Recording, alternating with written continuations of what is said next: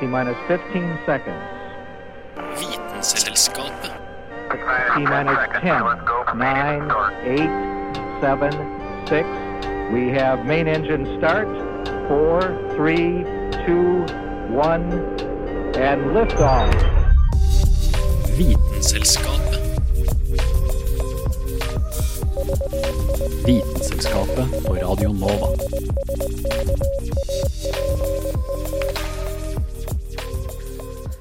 Brytes ned. Har du tenkt på det? Noe tar sykt lang tid, og noe brytes ned mens det fortsatt ligger i fruktskåla. Velkommen skal du være som lytter til oss i Vitenselskapet.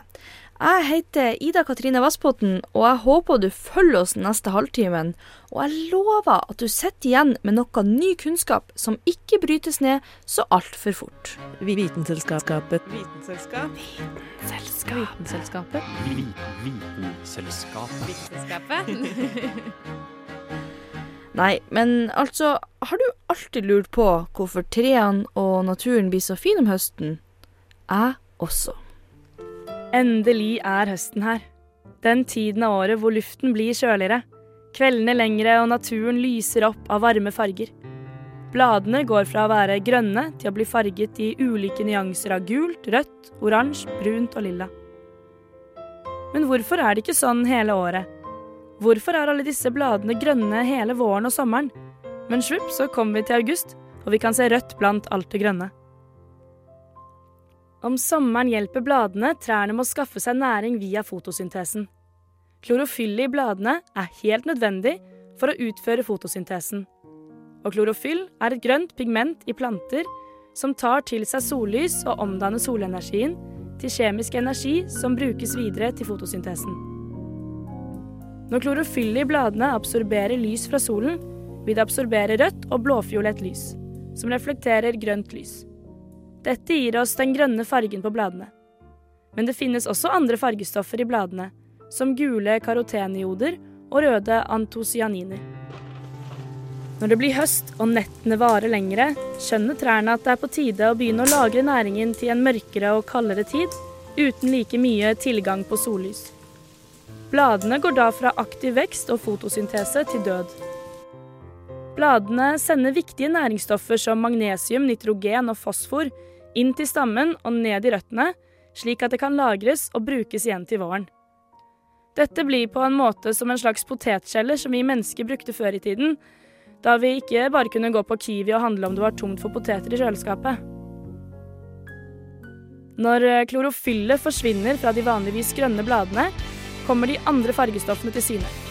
Det er ikke slik at bladene kun produserer gul og oransje farge om høsten for å glede øynene våre. Nei, de gule fargestoffene ligger i bladene hele året. Klorofyllet er dominerende og vil overskygge de andre fargene, men siden karotenioder bryter saktere ned enn klorofyll, vil vi ha en vakker mellomperiode før bladene visner helt bort og dør. Vi har f.eks. bjørka som får den gule eller oransje høstfargen. Men på andre trær blir bladene bare brune og tørre og faller av. Hos noen trær starter også mange kjemiske prosesser, avhengig av bladets pigmentsammensetning. Og fargene går fra gult til rødt og blått. Bak alle høstfargene ligger nemlig endringen av konsentrasjonen av forskjellige fargepigmenter i bladene. Og selv i dag klarer man ikke helt å forstå prosessen. Forskere stusser særlig over hvorfor noen blader setter i gang å produsere nye pigmenter og kjemikalier i bladene når de likevel snart skal dø. For det røde fargestoffet som kommer av antocyaniner, er et biprodukt fra nedbrytningen av klorofyllet. Dette er det mange biologer som synes er veldig rart og uforståelig, siden de ikke klarer å finne ut hvorfor treet produserer dette fargestoffet. Men så er hvorfor noe skjer et helt annet spørsmål enn hvordan noe skjer. Det var Aurora Borealis, nei altså uh, Aurora Caroline Thommessen, som hadde laga den saken. Å vite vet Vitenselskapet.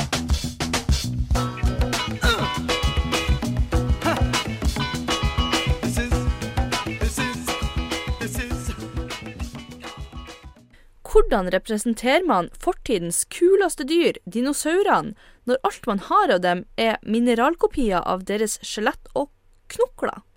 paleokunst gir svar. Dinosaurer ser ut til å være overalt i disse dager. I leketøysforretninger bugner det av plast- og plysjdinosaurer. I barneavdelingen i bokhandler er det alltid haugevis med forskjellige dinosaurbøker. Fra dem med store, fargerike bilder, til de minste, til de mer avanserte med plansjer og fakta for de litt eldre. Og ikke minst i film- og medieverdenen er dinosaurer høyst tilstedeværende. Bare tenk på Jurassic 1, 2 og ikke minst 3. Og selvfølgelig Jurassic World, som ga oss dinosaurfeber igjen hele 22 år etter at den opprinnelige filmen kom ut. Som sagt i forrige Dynonytt har vår moderne teknologi gitt oss mulighetene til å representere dinosaurene som aldri før.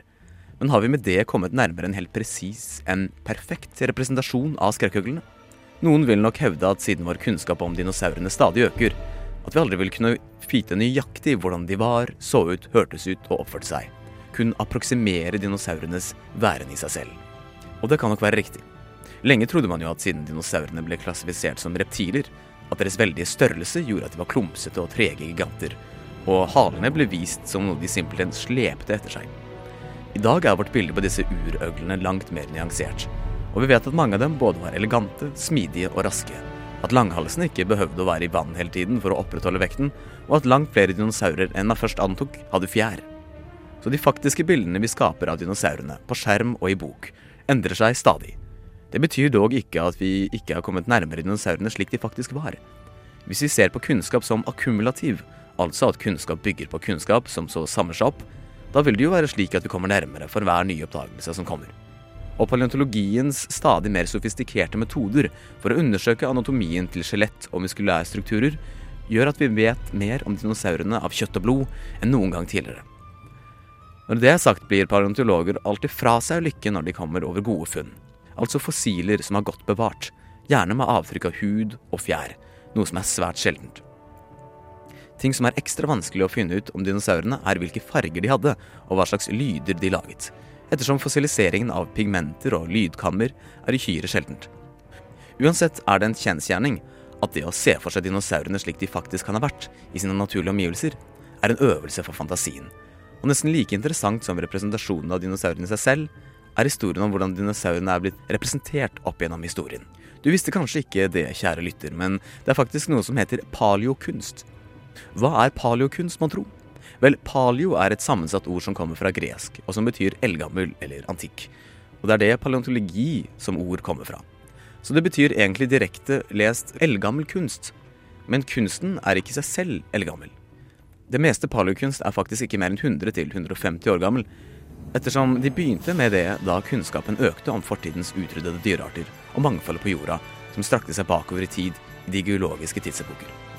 Det var viktig å kunne gi publikum som besøkte museene et inntrykk av hvordan fortiden artet seg, hvordan landskapet så ut, og hvordan dyrelivet var.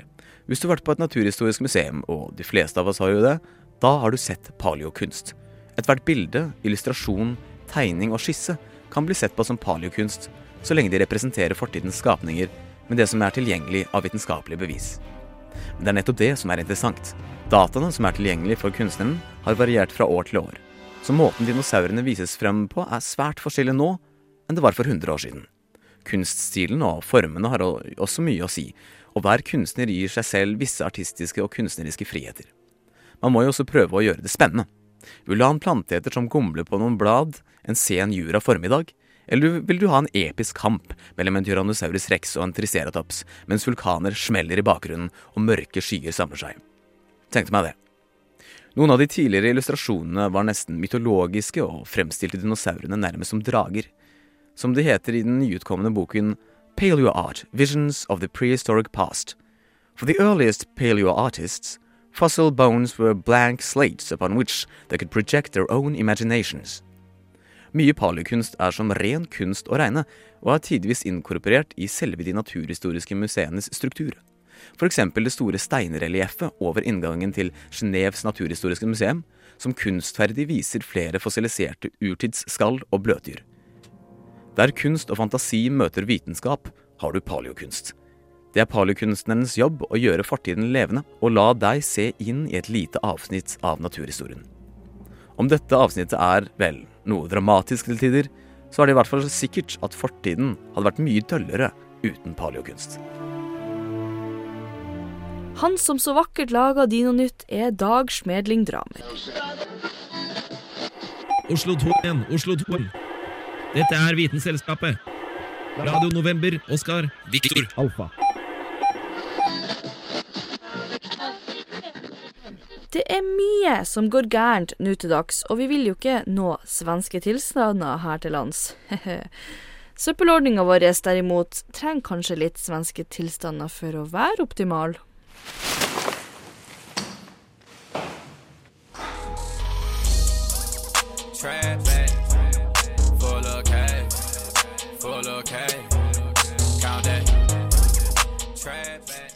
Det er visst litt krisetilstander med søppeltømmingsordningen i Oslo om dagen. For et par år siden havnet søppel på anbud, der billigste private renovasjonsselskap fikk jobben til å ta av seg det du kaster i søpla hjemme hos deg. Du har kanskje lest om det? Søppelkrisa i Oslo, som er for øvrig en egen tag på Dagbladet med rundt 50 ledere og debattinnlegg der søppelhåndteringa enten er helt krise eller en stor suksess. Politikere peker fingre og etterlyser et søppelråd. Og du finner også mer nyttige artikler som 'Sjekk søppelkrisa i Oslo', gate for gate. Men det er visst ikke bare i Oslo at ting er litt krise om dagen. Forrige uke erklærte Reno Norden, som faktisk er Nordens største husholdningsrenovasjonsselskap, seg konkurs. Og rundt 30 kommuner sliter litt nå med å prøve å finne en nødløsning.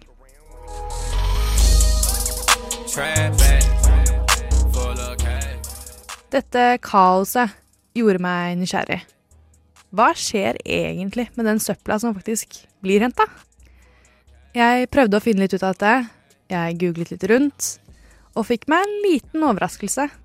Visste du at Norge skipper over 1,7 millioner tonn søppel i året til utlandet? Søppelhandel er mer ettertraktet enn narkotika, skriver Aftenposten. Litt bold tittel, kanskje? Men jo da. Fra ha vært et hovedsakelig sanitært problem for å forhindre spredelse av eh, sykdom, er avfall, eller nå gjenvinning, da, en av de hurtigst voksende næringene i verden. Og eh, tomme chipsposer, råtten brokkoli og slitne brødskiver er en ettertraktet importvare som mange land kniver om. 1,7 millioner tonn. Det er ganske mye avfallet. Rundt 340 kilo avfall per pers. Og omtrent 40% av dette havner i Sverige. Og søta bror, jeg koser meg med TV1 og TV2.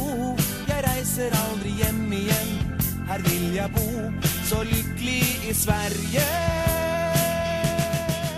For mens det i Norge kanskje har gått litt til eh, helvete de siste årene, går det ganske bra der borte i Sverige, altså. Vi har kanskje oljen, men eh, Sverige har rett og slett etablert seg som en ledende avfallsnasjon. Svenskene har steppa opp sitt resirkuleringsgame og har blitt kløpler på å sortere og separere avfallet sitt. Dette har ført til en mer effektiv gjenbruk av brukte plastbeholdere, aviser, batterier, TV-er, og du kan til og med levere inn medisin du har til overs til apotekene. På denne måten reduseres mengden av ubrukelig og, og la oss ikke glemme potensielt farlig avfall ganske betraktelig. Det som ikke kan brukes om igjen, sendes til forbrenningsanlegg. Og ved hjelp av svært gode kommunale og statlige ordninger, og da samarbeid, lokalt og originalt, blir omtrent 99% av svenskenes eget husholdningsavfall faktisk gjenvinnet. Og rundt halvparten av dette kan brukes som energi.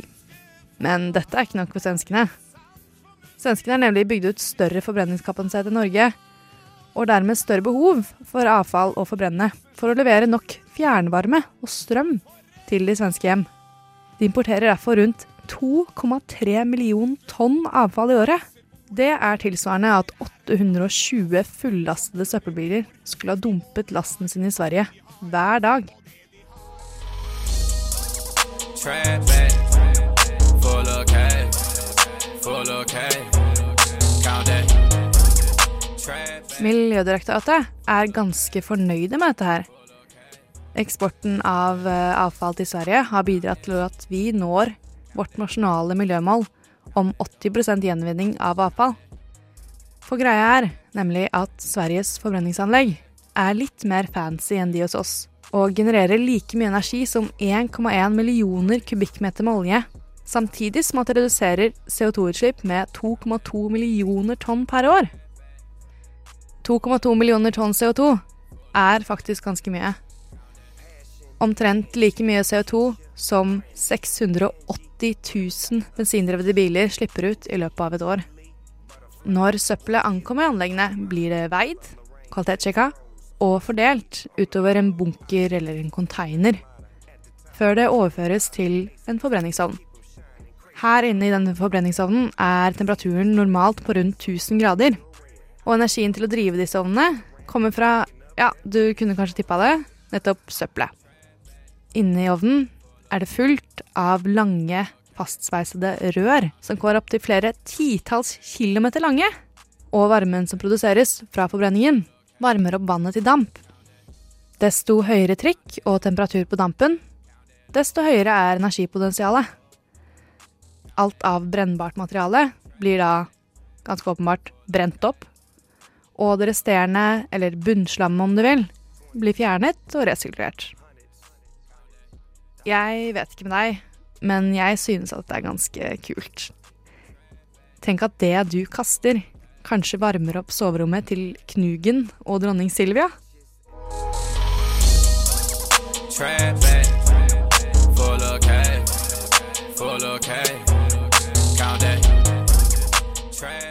Ok, kanskje det er en annen ordning rundt oppvarmingen av akkurat det svenske slottet. Men jeg håper at i hvert fall Carola er en av de over 600 000 svenskene som varmer seg godt om vinteren, kanskje takket være akkurat din halvspiste kebab. Så lykkelig i Sverige. Svenske faen har ikke sans for Og det var Sunniva Blix som sjekka ut hvordan svenske tilstander også kan være.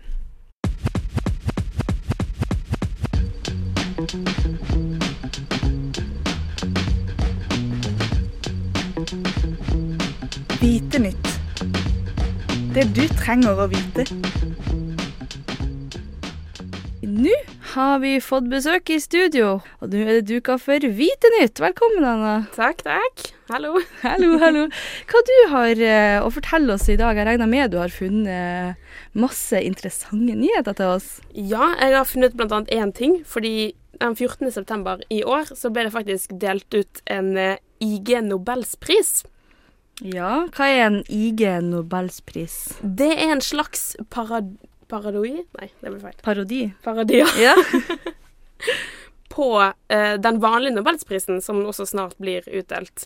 Um, og det her er på en måte en forskning, forskninger som blir hedret for å være rar, eller som aldri kommer til å nå ut i den ordentlige forskningsverdenen, fordi det er så rar forskning.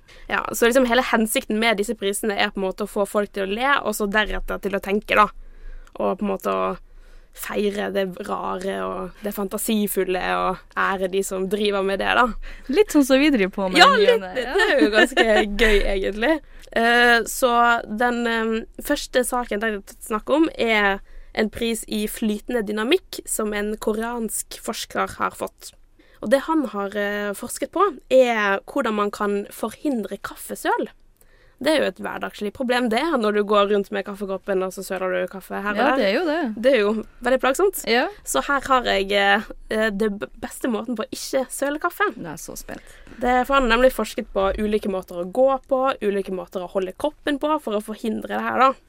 Det å gå baklengs vil faktisk redusere kaffesøl veldig mye, fordi eh, resonansen eller rytmen i væsken i koppen du holder, vil forandres på en sånn måte sånn at den blir veldig dempet da når du går baklengs.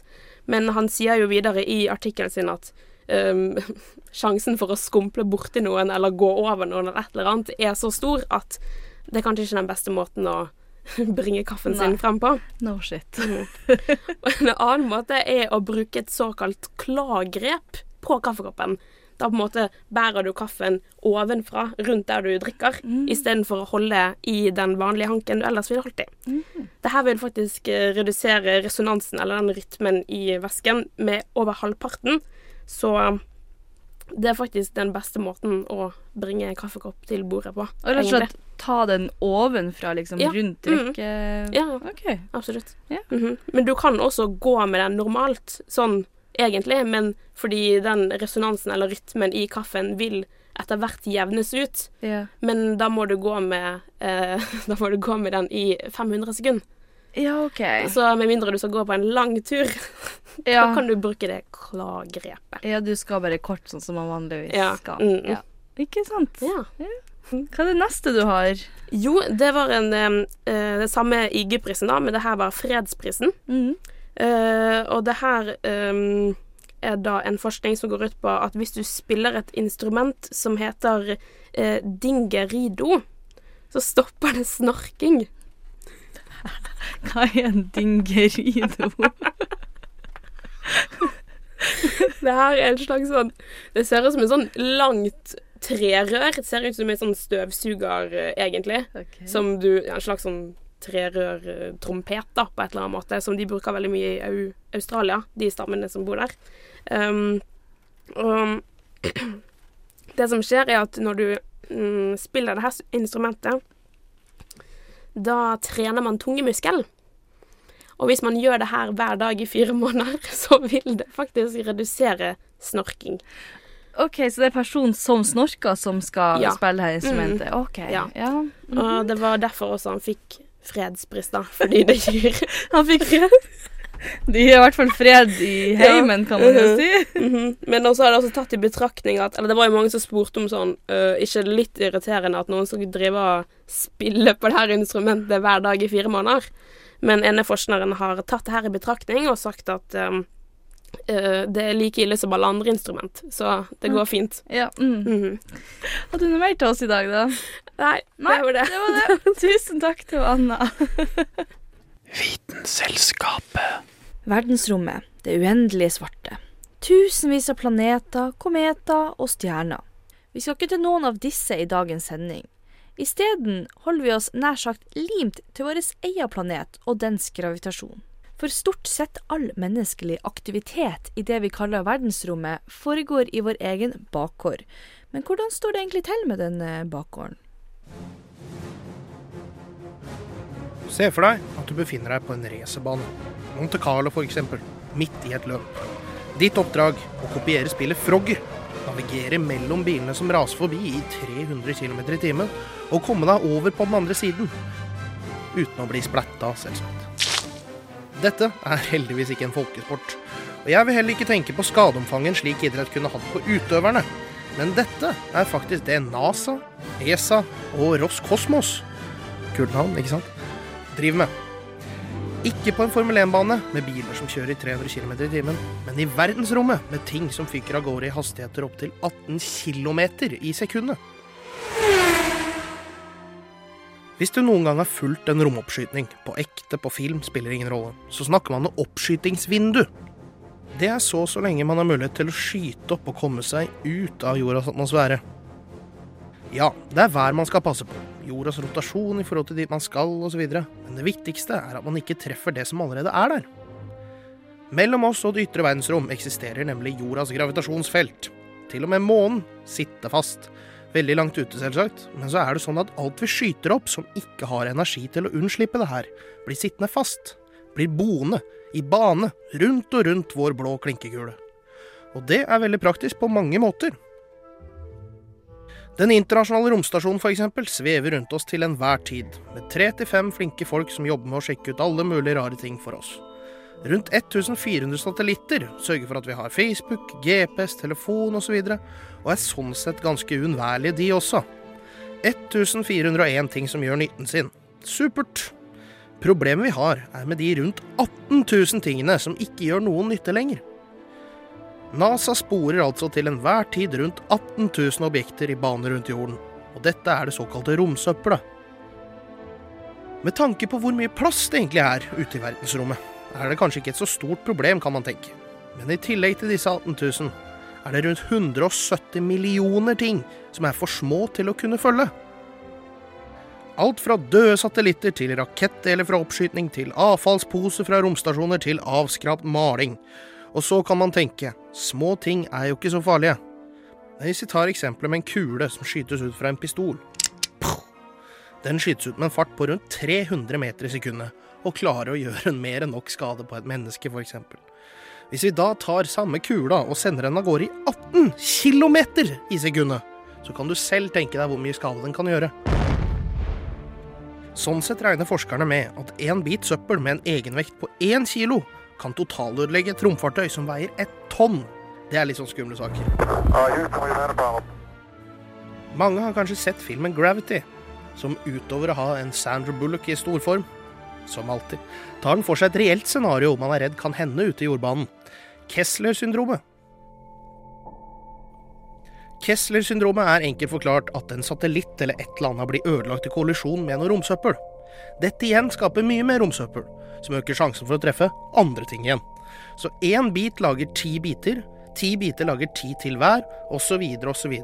Helt til alt som finnes der oppe blir truffet, pulverisert og i praksis lager et søppelskjold rundt hele jorda, som gjør det umulig å skyte opp nye ting. Tenk hva det ville gjort med folk, nå som har vent oss til Erna på Snapchat og gruppechatter på Facebook. Mayhem, mayhem all around.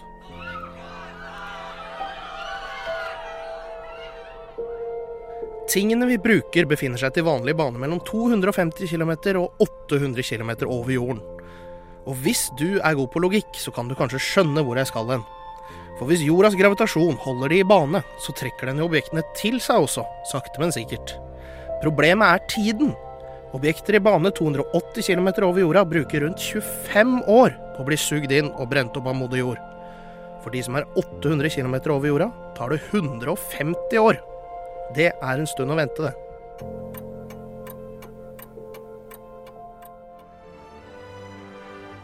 Så hva gjør vi med det her? Hvordan fikser vi det? Det er det mange som spør seg, for mengden omtales å allerede være på kritiske nivåer. Forhåndsregler tas nå av de fleste ansvarlige aktører for å hindre mer forsøpling der vi holder på som mest. Vi har oppretta en egen gravplass, en kirkegårdbane, som alle aktører som har lyst til å sende opp satellitter fra USA f.eks., har ansvar for å sørge for at sine satellitter når når de er ferdig med sitt oppdrag. De fleste romfartøy har blitt utstyrt med vippelskjold for ikke å ta for stor skade av de objektene vi ikke klarer å følge. Disse er et tynt ytterlag foran selve skroget. Det stopper ikke prosjektilene, men deler dem opp, slik at det som treffer selve skroget, blir spredt utover et større område og har mye mindre energi. Og de funker ganske bra, egentlig. I tillegg, som seg selvfølgelig hør og bør, sitter mange kloke hoder og tenker ut løsninger. Og når verdensrommet er involvert, er det selvfølgelig noen av dem som vil ta i bruk lasers. Vi har ikke fått Death Star lasers ennå, men vi kan få til å varme opp små objekter nok fra jordoverflaten til at de endrer bane 1 millimeter i sekundet. Men de fleste metoder vi har og bruker, er for å hindre at vi lager mer. Men ESA, vet du, hvor Norge er med og hele pakka, har en plan. Den heter ED Orbit og planlegges å starte i 2023. Og her er planen like enkel som den er genial. Skyte opp et fartøy, som jeg håper de kaller Cowboy eller Lofotfiskeren eller noe sånt. Slenge et nett rundt store, daue satellitter som kan bli veldig problematiske, og dra dem med seg ned igjen og brenne opp i atmosfæren. Det er kanskje ikke like sexy som å kjøre rover på Mars, men det er noe skandinavisk over hele greia. Alle andre fyker ut og oppdager og exploring og hele pakka. Vi rydder opp i egen bakgård først. Så får vi håpe til slutt at det er mange svensker involvert. De er ganske flinke på søppel, har jeg hørt. Det var Dag Løvold Magnussen som forklarte og fortalte oss alt vi trengte å vite om søppel i det o store verdensrommet.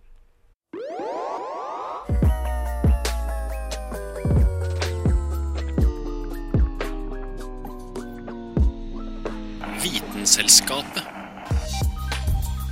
Det var alt vi hadde for i dag, og vi håper noe ut av denne kunnskapen setter seg fast i hodet ditt og holder seg der en god stund, og at du ikke begynner å bryte ned allerede nå. Tusen takk for at du hørte på oss, og så ses vi om ei uke. Ha det!